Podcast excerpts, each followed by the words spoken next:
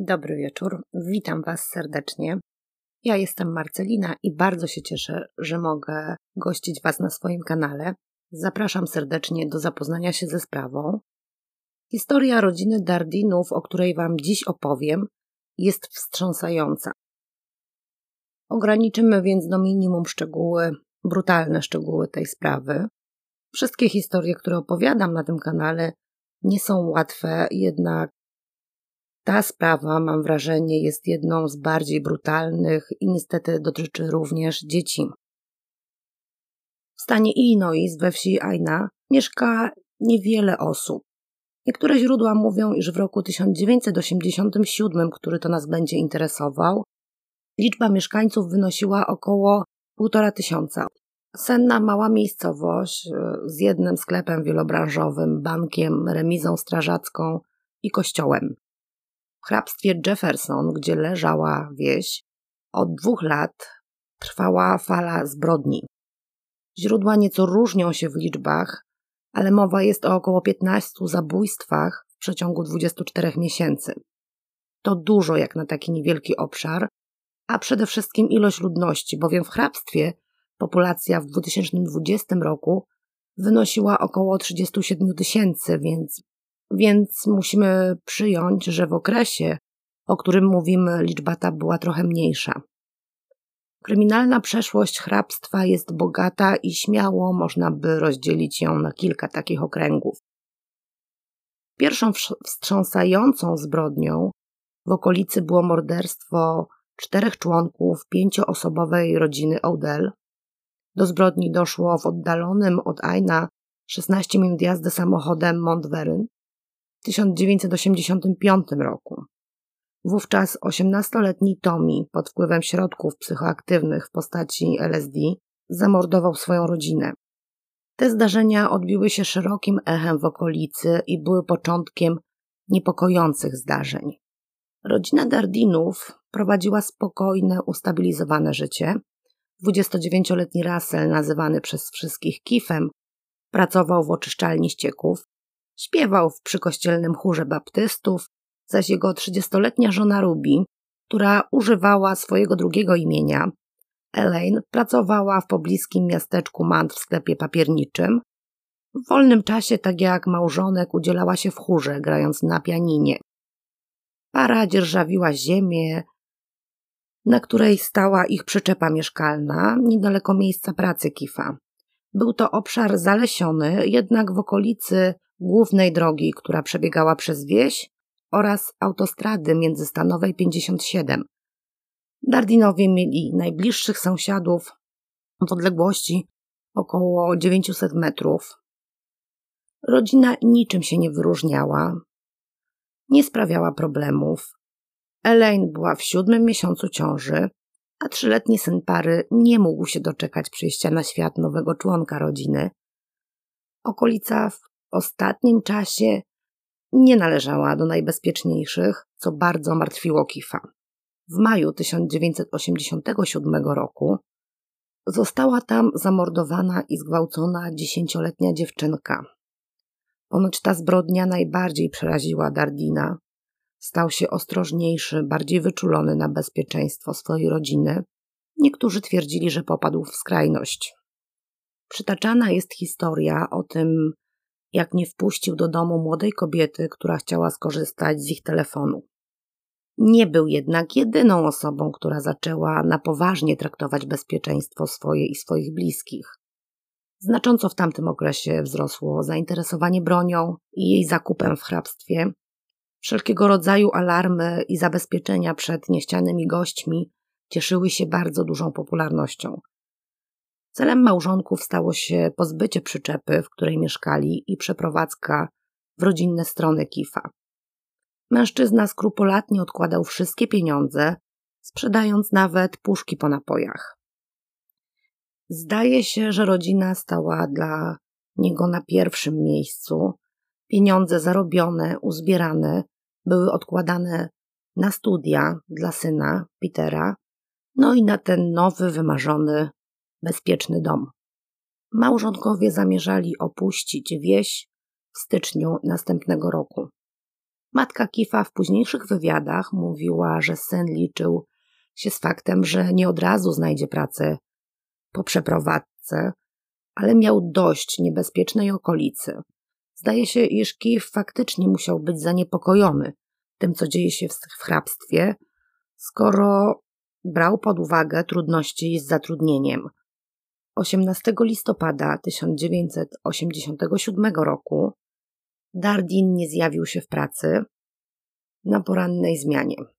Mimo iż próbowano się z nim kilkukrotnie skontaktować, w jego domu telefon nie odpowiadał. Szef podjął decyzję, że spróbuje uzyskać jakieś informacje od rodziców mężczyzny. Oni byli równie mocno zdziwieni, co i szef mężczyzny. Ich syn był sumiennym i słownym człowiekiem. Gdyby miał nie zjawić się w pracy, na pewno by poinformował. Matka mężczyzny skontaktowała się z biurem szeryfa, prosząc o pomoc. Chciała, aby ktoś udał się do domu syna i sprawdził, czy wszystko ok. Koniec końców stanęło na tym, że senior Dardin udał się do domu syna, gdzie miał spotkać się z zastępcą szeryfa, bowiem był w posiadaniu kluczy od przyczepy. Panowie spotkali się na miejscu.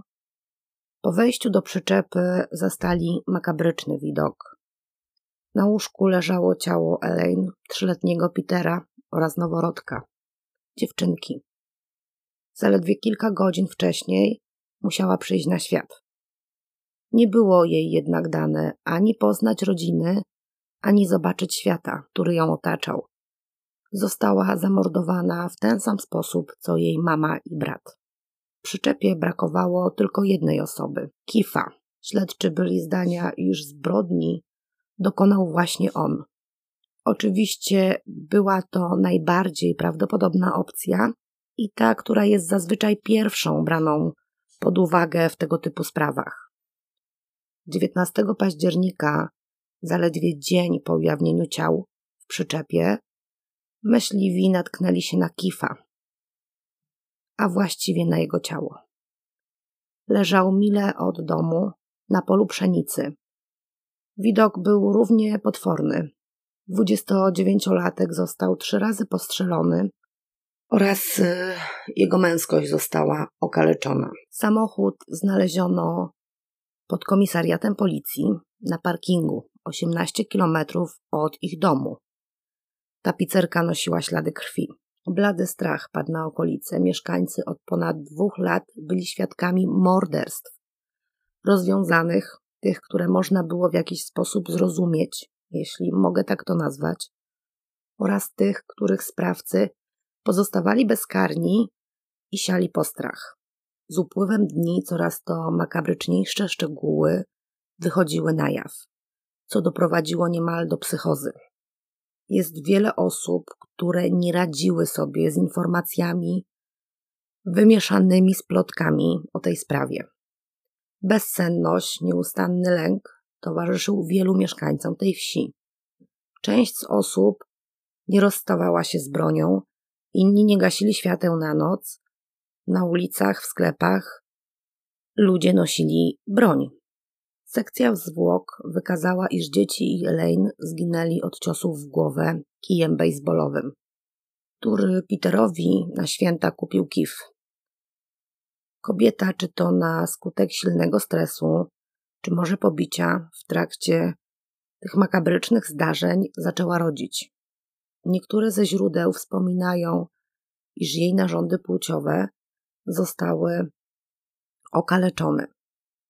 W chwili ujawnienia ciała Elaine miała zaklejone usta i skrępowane ręce. Peter również miał być związany i zakneblowany. Przyczyną śmierci Kifa były postrzały. Dwa w głowę i jeden w szyję.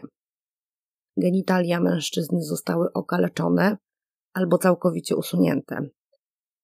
Nigdy nie zostało to w pełni podane do wiadomości publicznej. Nie powiedziano konkretnie, y, co morderca mu zrobił.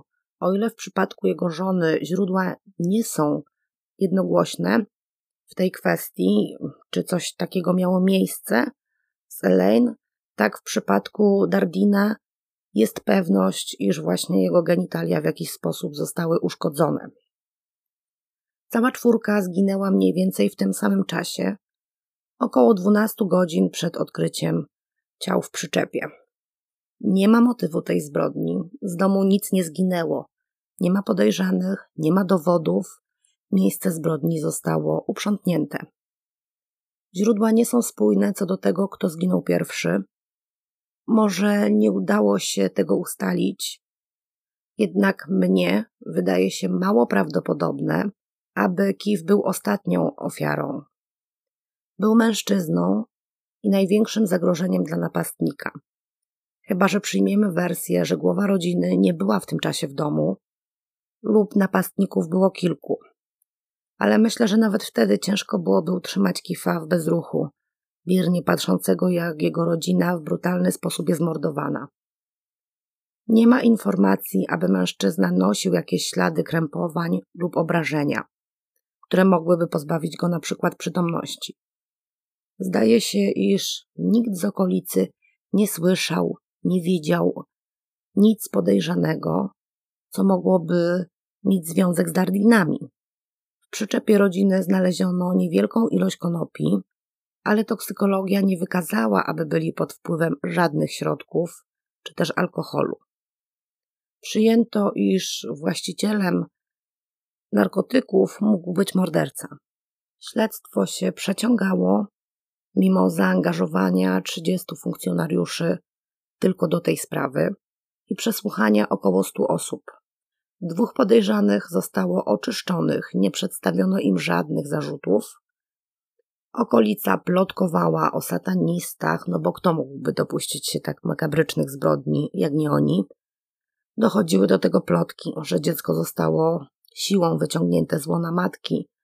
Inni natomiast byli zdania, że w okolicy musi grasować seryjny morderca, no bo niby skąd taka liczba ofiar. Do sprawy zaangażowano dwóch profilerów FBI. Udało im się co nieco rzucić światła, ale musieli przyznać, że morderstwa były sprzeczne z ich metodami analizy. Rodzice Kifa starali się nagłośnić sprawę, jednak było to trudne. Zbierali podpisy, by sprawa pojawiła się w programie Opry. Odmówiono im pomocy ze względu na brutalność zbrodni. American Most Wanted również odmówił podjęcia tematu. Dopiero po 11 latach zrobili materiał o tej sprawie. Niestety nie dało to nic, żadnych nowych tropów, żadnych nowych świadków, kompletnie cisza. Śledczym w oczy rzucił się niejaki Angel Maturino Rezendiv, szerzej znany jako zabójca z kolei czy też kolejowy zabójca. Angel podróżował pociągiem i zabijał ludzi właśnie w okolicy sieci kolejowych, głównie bijąc na śmierć. Został zatrzymany w 1990 roku, jednak śledczym nie udało się go powiązać w żaden sposób ze sprawą Dardinów. Matka Kifa słuchała wszystkich plotek, chcąc pomóc śledczym wpaść na jakiś trop.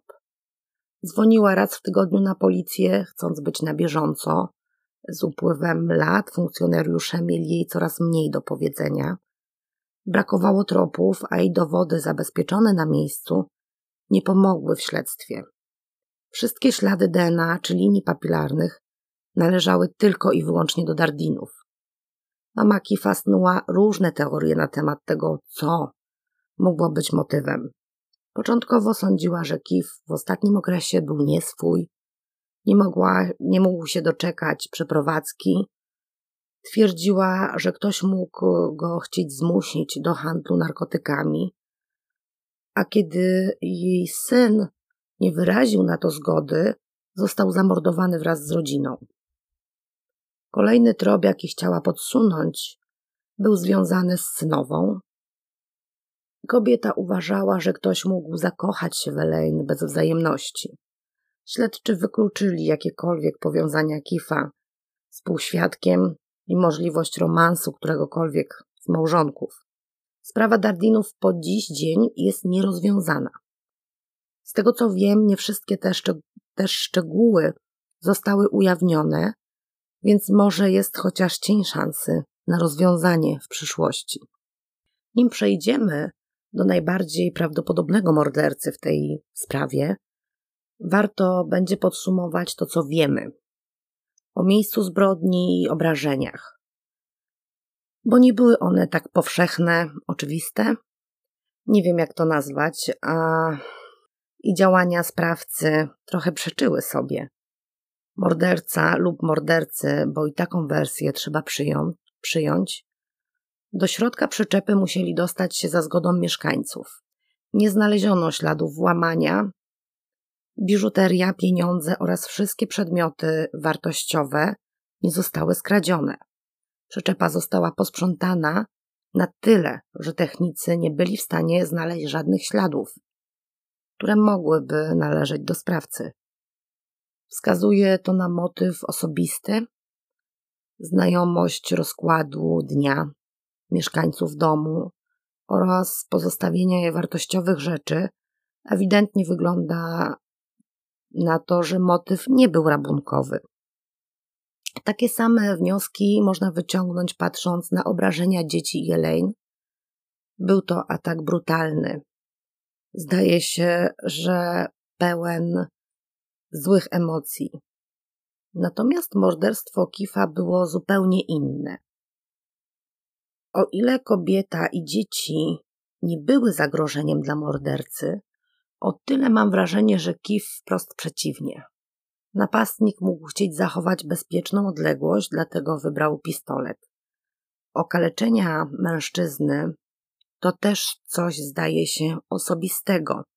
Najczęściej chyba takich aktów dopuszczają się kobiety.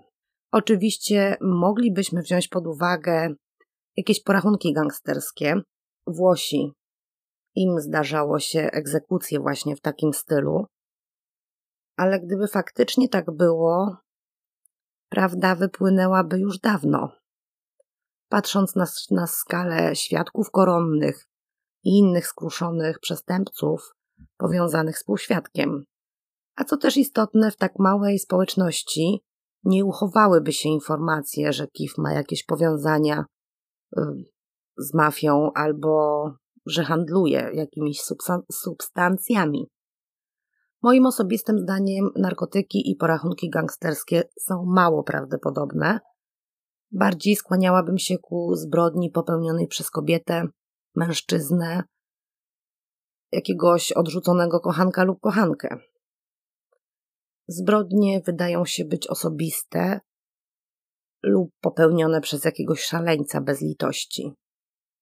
To, co w tych zbrodniach jest najbardziej uderzające i mnie dotknęło najbardziej, to dzieci. Po co je zamordowano? Żadne z nich nie było w stanie przekazać śledczym informacji. No może Peter, ale musiałby znać sprawcę, aby móc go nazwać. Był w końcu niespełna trzyletnim dzieckiem. Śledczy jednak wykluczyli bardzo szybko motyw romansu Któregoś z małżonków, bliscy znajomi również uważali, że nic takiego nie wchodzi w grę. Motyw satanistyczny również został wykluczony, brak rytualnych znaków, morderstwa też nijak wpasowywały się w tego typu zbrodnie.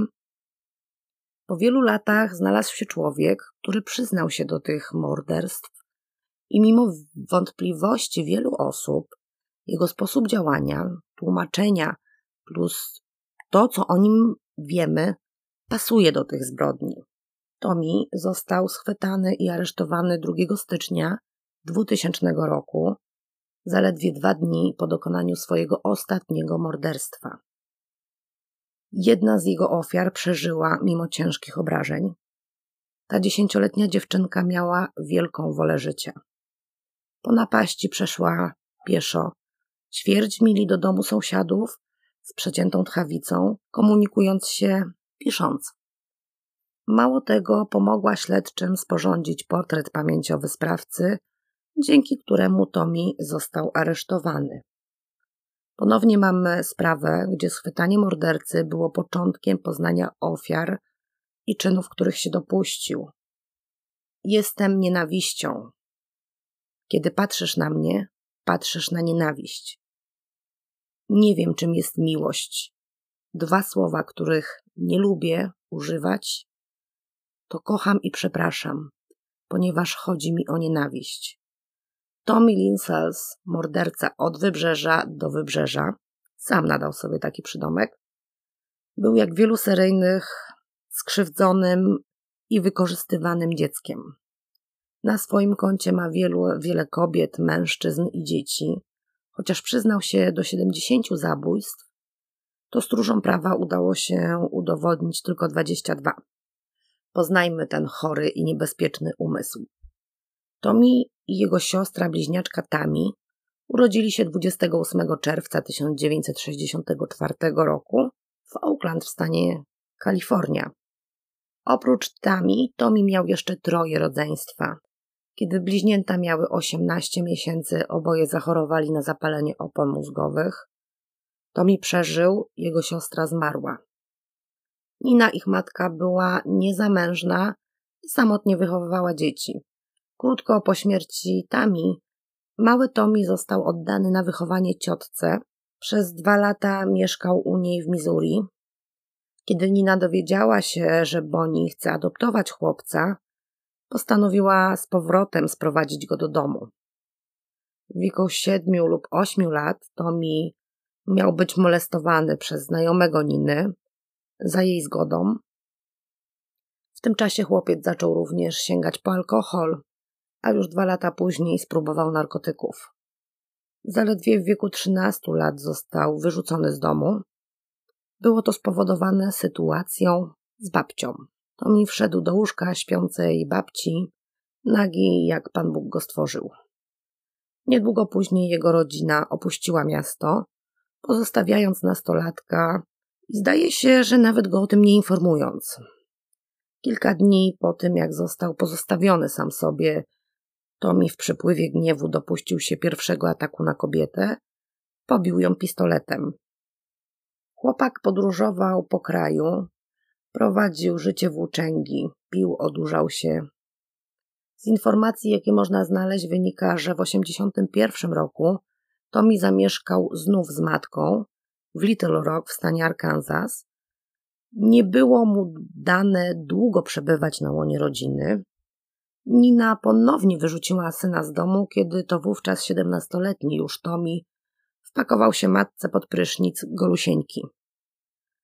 Tommy próbował sobie pomóc, korzystając z kliniki zdrowia psychicznego, jednak leczenie nie przyniosło większych efektów.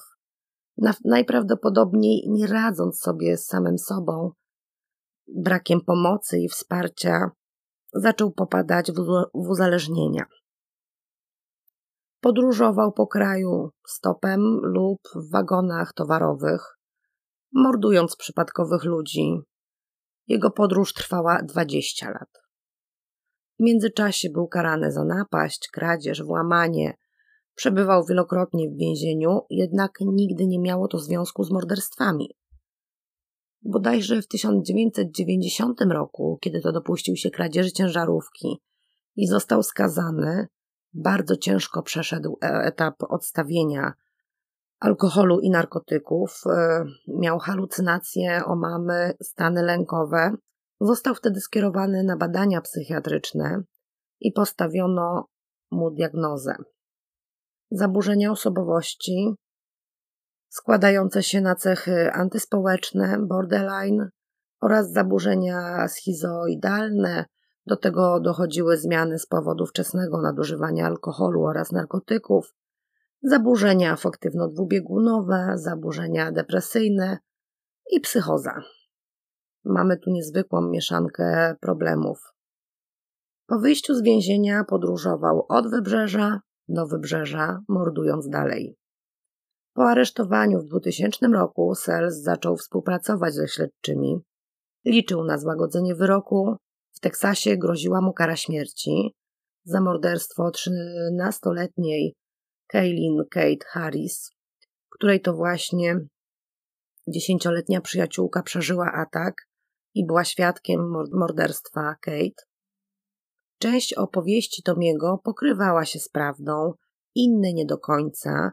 W przypadku Dardinów nie wszystko było zgodne z ustaleniami śledczych, jednak Sel stwierdził, że on dokonał tych zbrodni, Jak tłumaczy, nie pamięta wszystkich czynów, których się dopuścił. Mówił, iż zdarza mu się budzić w zakrwawionych ubraniach, nieświadomym tego, co uczynił, żeby nie było, że on mm, się nie przyznawał. Jak najbardziej, zresztą, jak większość seryjnych, był z siebie dumny. Ale właśnie w taki sposób on tłumaczył luki w pamięci i to, czego nie był w stanie opowiedzieć śledczym. Musimy brać pod uwagę również e, fakt, że Tommy był uzależniony od narkotyków i alkoholu, a kolejną sprawą jest to molestowanie. Ser stwierdził, że z powodu traum w dzieciństwie potrafi się odciąć e, od świata, zapomnieć o tym, co mu się przydarzyło i co on robił. Przy tak dużej liczbie ofiar jestem w stanie przyjąć, że Tommy pewnych szczegółów nie pamięta, inne zaś wyparł. Ten potwór mordował, bo lubił. Mężczyźni często byli przypadkowymi ofiarami lub e, wdawali się z nim w jakieś utarczki, które no niestety kończyły się dla nich źle. Kobiety i młode dziewczyny, nastolatki, z wiadomych powodów padały jego ofiarami. Dzieci. Dlaczego to mi zabijał dzieci? Żeby nie doświadczyły w życiu tego, co on. A czasami był świat, były świadkami zbrodni, których trzeba było wyeliminować. Tommy mordował różnymi przedmiotami: kijem baseballowym, szpikulcem do lodu, pistoletem, nożem oraz własnymi rękoma. Sposób, w jaki pozbawiono życia Elaine oraz dzieci, nie byłby pierwszym razem Tomiego. Podobnych zbrodni ma na swoim koncie cztery. Chodzi tu o użycie kija baseballowego. Sposób, w jaki zamordował Kifa, również nie jest obcy temu człowiekowi, jednak usunięcie czy też okaleczenie pewnych narządów nie zdarzało mu się wcześniej. Ale i na to jest wytłumaczenie. Niektórzy sądzą, że zrobił to ze względu na to, że był molestowany w dzieciństwie. Tommy w wersji jak spotkał Kifa, miał chyba ze trzy. Mianowicie raz twierdził, że Kif go zabrał na stopa, a innym razem, że poznali się w jakimś barze. Jak znalazł się y, w ich domu, również miał ze dwie wersje. Raz twierdził, że Kif go zaprosił na kolację, co jest bardzo mało prawdopodobne, biorąc pod uwagę ostrożność Dardina. Drugim zaś razem zauważył przyczepę, a na niej etykietę na sprzedaż. Obserwował ich trochę, po czym zapukał i wyraził chęć kupna. No i moim zdaniem, jeśli faktycznie to Tommy jest mordercą, to ta wersja jest najbardziej prawdopodobna. Ale wszystkim już nieprawdopodobne wydaje się to, co opowiadał później. Twierdził, iż Kif miał zaproponować mu trójkąt z Elaine. Miał naciskać i to mi się wkurzył. Według jego zeznań kazał Kifowi związać żonę i syna, zakneblować, po czym wywiózł mężczyznę na pole, okaleczył, zamordował i wrócił do domu Dardinów, gdzie zabił resztę rodziny. Sels proponował śledczym, że wskaże im dowody, które ukrył na terenie Illinois. Oczywiście bardzo by to pomogło, jeśli takie w ogóle istniały, bo śledczy na Tomiego nie mieli nic w sprawie Dardinów. Nie było to jednak możliwe. E, Tommy w międzyczasie otrzymał karę śmierci za morderstwo trzynastolatki. No i niestety stan Teksas nie wyraził zgody na to, aby mógł opuścić Teksas. Jest mnóstwo pytań, brak odpowiedzi. Najprawdopodobniej nie poznamy mordercy. Dowodów jest brak. Tommy w 2014 roku został stracony.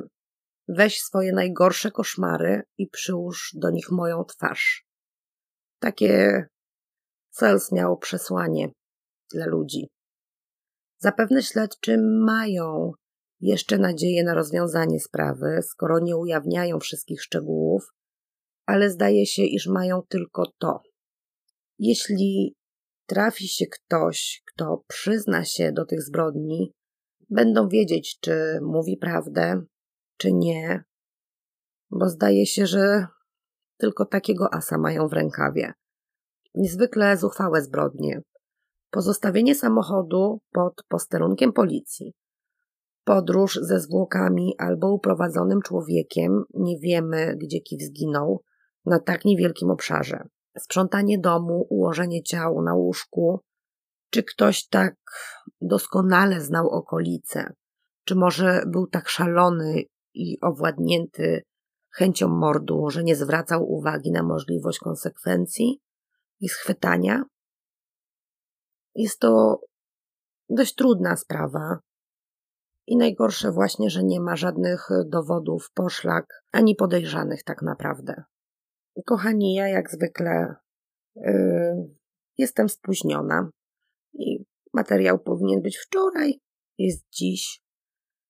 Mam nadzieję, że z tym nowym rokiem wszystko już skoczy na swoje miejsce, skończyły się te święta, ten e, nowy rok, fakt, że mamy jeszcze ferie zimowe, ale myślę, że już się wdrążę i będziemy stabilnie płynąć dalej i podcasty będą pojawiać się co sobotę. Dziękuję moi drodzy za wspólnie spędzony czas. Do usłyszenia, cześć.